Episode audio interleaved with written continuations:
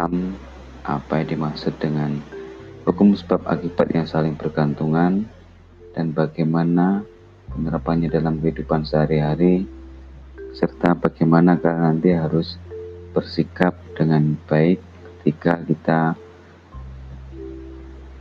mengalami hukum sebab akibat yang saling bergantungan ini. Jadi hukum sebab akibat yang saling bergantungan ini merupakan salah satu hukum universal yang artinya ini berlaku kepada siapa saja, di mana saja dan kapan saja ya. Apakah kita menerima atau tidak ini uh, tetap saja berlaku hukum ini. Pada pertemuan-pertemuan sebelumnya kita sudah membahas tentang hukum-hukum yang lain ya ada hukum empat kebenaran mulia kemudian ada karma dan tumbuh lahir ada tiga karakter karakteristik universal untuk kilakana dan pada hari ini kita akan bahas tentang hukum sebab akibat yang saling bergantungan. Baik, kita langsung saja. Saya akan menjelaskan mulai dari pengertiannya dulu. Jadi hukum patija samupada ini merupakan hukum sebab akibat yang saling bergantungan ya. Di nama palinya adalah patija samupada. Hukum ini merupakan hal yang sangat mendasar dalam pengajaran Buddha Dharma. Mengapa? Karena hukum ini juga telah ada di alam semesta tanpa kemunculan seorang Buddha sekalipun. Jadi apakah Buddha ini ada atau tidak? Hukum Patija Samupada ini juga ada dan telah ada. Artinya bahwa hukum ini bukan diciptakan atau rekayasa dari seorang sama Sang Buddha. Sama Sang Buddha ini hanya menemukan kembali hukum mati sama pada ini karena dia hukum ini bersifat universal tadi tidak ada yang menciptakan tapi muncul ada dengan sendirinya sebelum kemunculan seorang sama Sang Buddha hukum patija sampada ini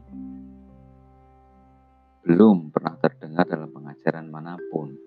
Jadi hanya seorang sama sang Buddha yang mengajarkannya. Tujuan pembabaran patija, patija sampada ini adalah untuk memperlihatkan kebenaran dari keadaan yang sebenarnya, di mana tidak ada sesuatu yang timbul tanpa adanya sebab. Jika kita mempelajari dengan sungguh-sungguh, maka kita akan mampu terbebas dari segala pandangan salah dan juga dapat melihat hidup ini dengan kehidupan yang sewajarnya seperti apa ya nanti kita bahas lebih lanjut. Kemudian kerumusan dari hukum patisa samupada. Secara singkat, hukum patisa samupada ini dapat dirumuskan sebagai berikut dalam bahasa palinya imasming sati idang hoti imanu pat. Saya ulangi. Imasming sati idang hoti imasupada idang upajati imasming usati idang nahoti imasa niroda idang nirujati yang artinya dengan adanya ini maka muncullah itu. Dengan timbulnya ini maka timbullah itu. Dengan tidak adanya ini maka tidak adalah itu. Dengan padamnya ini maka padamlah itu.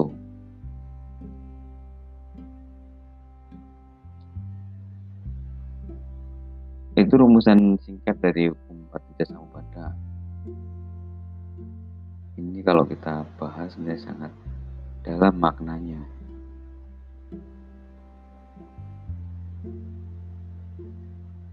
Di situ ada kata timbul ya. Kata timbul yang tidak sama dengan kata ada. Juga ada kata padam yang definisinya tidak sama dengan kata tidak ada. Itu sedikit membedakannya. Kemudian Patisa Samupada ini kan merupakan satu rangkaian rangkaian kesinambungan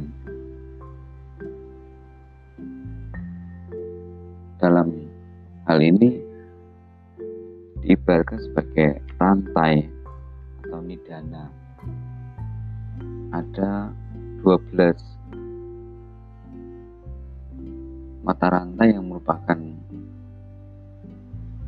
satu kesatuan dan saling mendukung satu sama lain. Apakah 12 ini pertama adalah rantai ketidaktahuan atau awija.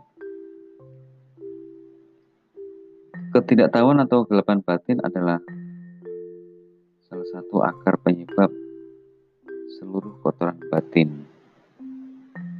Seluruh perbuatan jahat ini disebabkan oleh ketidaktahuan atau awija.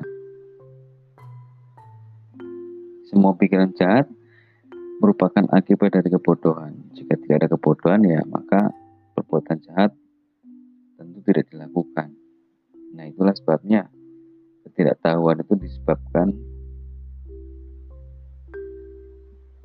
menjadi penyebab penyebab awal dari mata rantai ini. Ketidaktahuan ini disebutkan sebagai sebab awal atau mata rantai yang pertama dari 12 mata rantai patija sampada. Meskipun demikian, kebodohan ini tidak dianggap sebagai awal mula atau mula pertama ataupun pokok asal dari makhluk Karena bukan itu saja penyebabnya, ya ada banyak penyebab-penyebab lain. Nah, untuk menjelaskan awal mula dari ketidaktahuan atau oh, 12 nidana ini maka ketidaktahuan ini dijadikan sebagai uh, rantai awal ya. Sekali lagi ini bukan bukan sebagai titik awal bagaimana kita memudahkan penjelasan. Kemudian yang kedua adalah bentuk-bentuk karma atau sankara. Dengan adanya kebodohan, ini maka timbullah bentuk-bentuk karma yang menghasilkan kelahiran kembali. Nah istilah sankara ini juga dapat memiliki arti yang lain ya. Misalnya dalam kalimat Sapi Sanegara Anicca atau Anicca Wata Sanegara yang artinya segala sesuatu yang terjadi dari perpaduan unsur adalah tidak kekal atau istilah Sanegara yang digunakan untuk segala sesuatu yang merupakan paduan unsur dan terkondisi munculnya makhluk hidup karena akibat dari sebab dan kondisi dan apa yang mereka lakukan sebagai sebab dan kondisi juga akan menghasilkan akibat yang lain.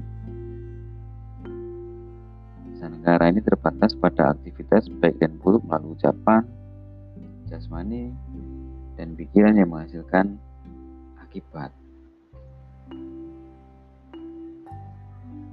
Dalam Patija Samupada, Sanggara ini disimbolkan sebagai pembuat pot dan berbagai jenis pot.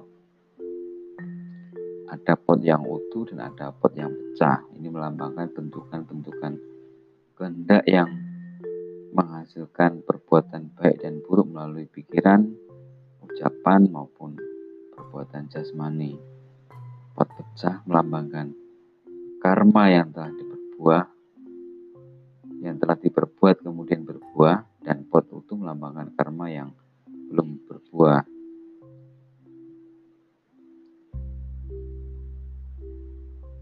Sedangkan kalau tadi ketidaktahuan atau awija itu disimpulkan seperti orang buta yang berjalan dengan tongkat.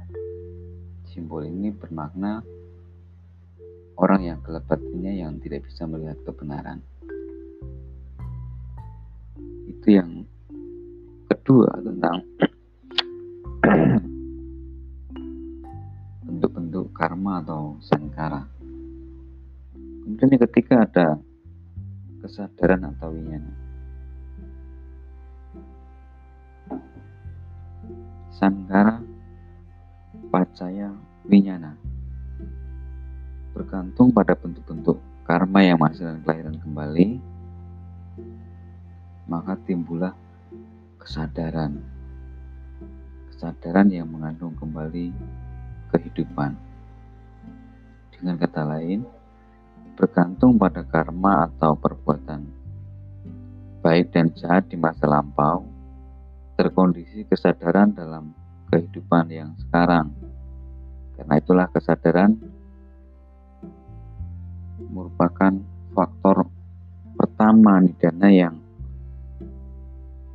pertama dari urutan kondisi kehidupan yang dimiliki kehidupan yang sekarang ini. Awija dan Sankara atau ketidaktahuan dan bentuk-bentuk karma milik kehidupan yang lampau bersama-sama membentuk winyana yaitu kesadaran dalam kehidupan sekarang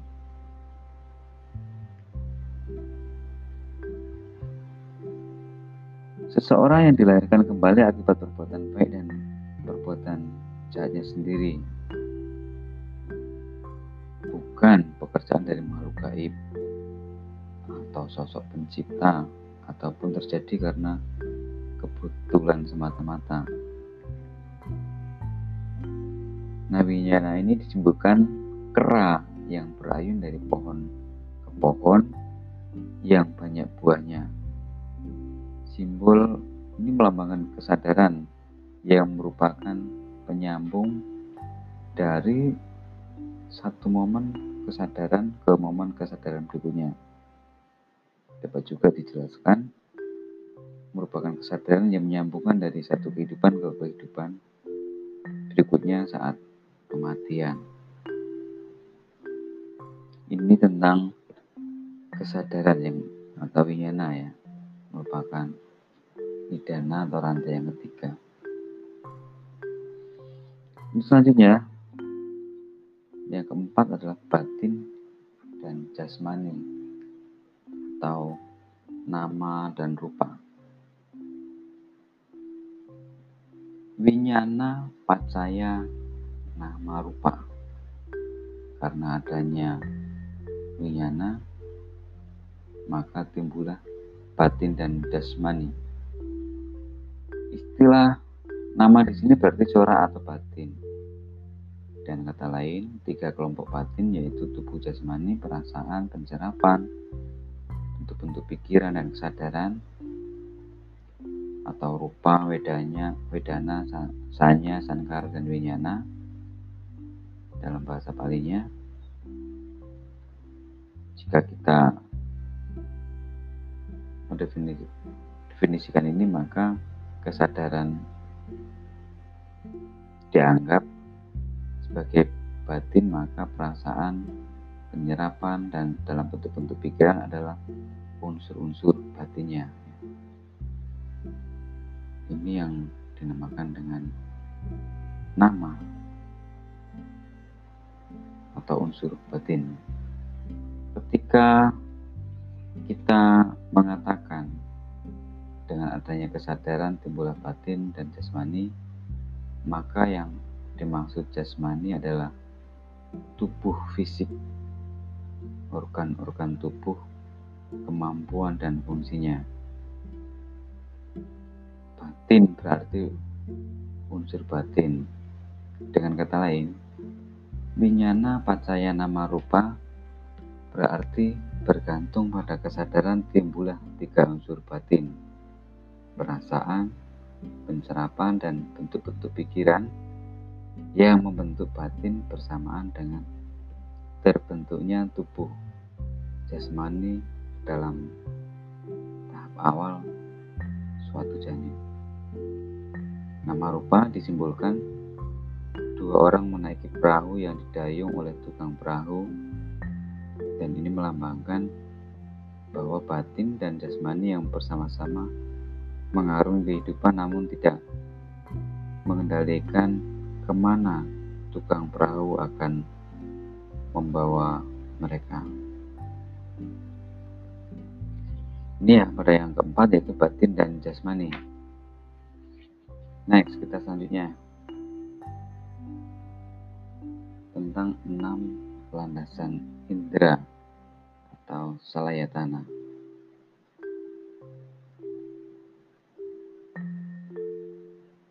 Nama rupa pacaya salayatana. Dengan adanya batin dan jasmani, timbullah enam landasan indera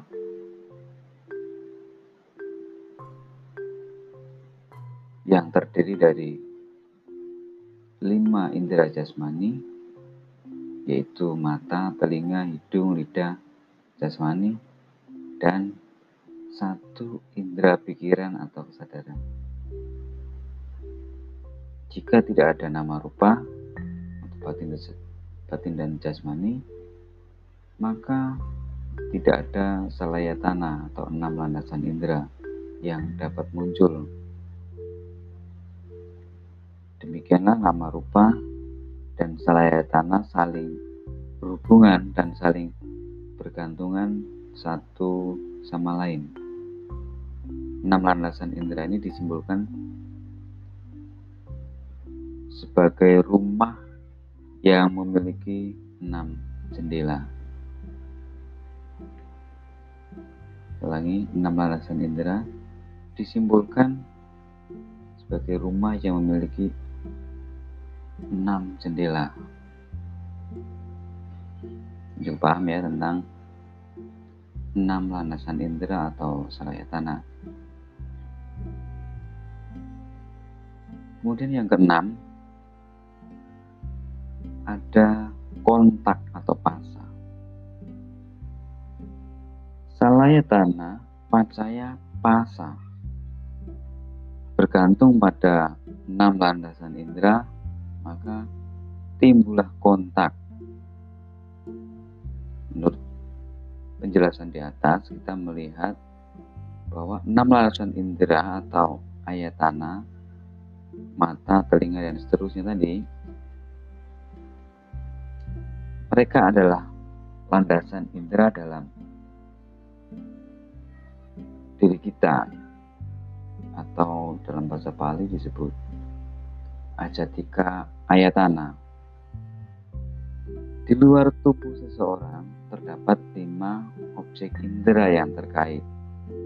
Bentuk, suara, bau, rasa, sentuhan. Lebih jauh lagi objek batin. Ini dikenal sebagai enam landasan indera luar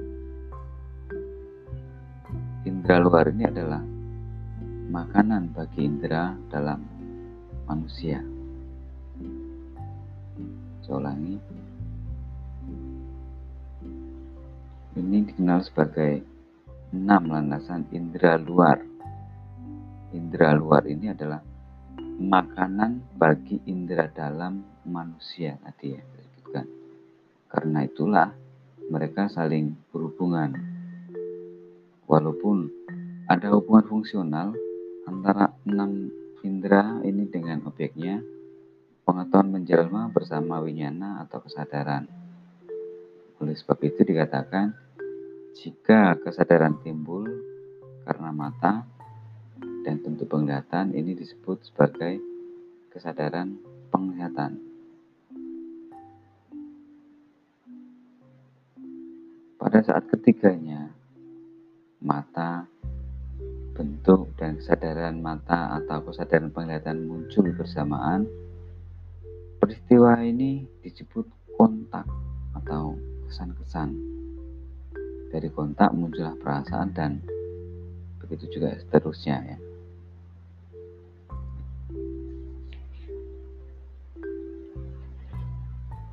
ini penjelasan tentang nidana yang keenam atau kontak atau perasa atau pasa ya. Mengapa ada kontak ya? Karena ada enam landasan indera tadi. Begitu landasan indera mencerap objek maka terjadilah kontak ya. Nah ini nidana 1 sampai 6 sudah saya jelaskan. Selanjutnya kita akan mendengarkan sebuah lagu terlebih dahulu ya. Untuk selanjutnya nanti kita akan menyambungkan pada aspek selanjutnya yang ke 7 hingga ke 12. Oke, kita simak bersama-sama dulu ya. thank you dalam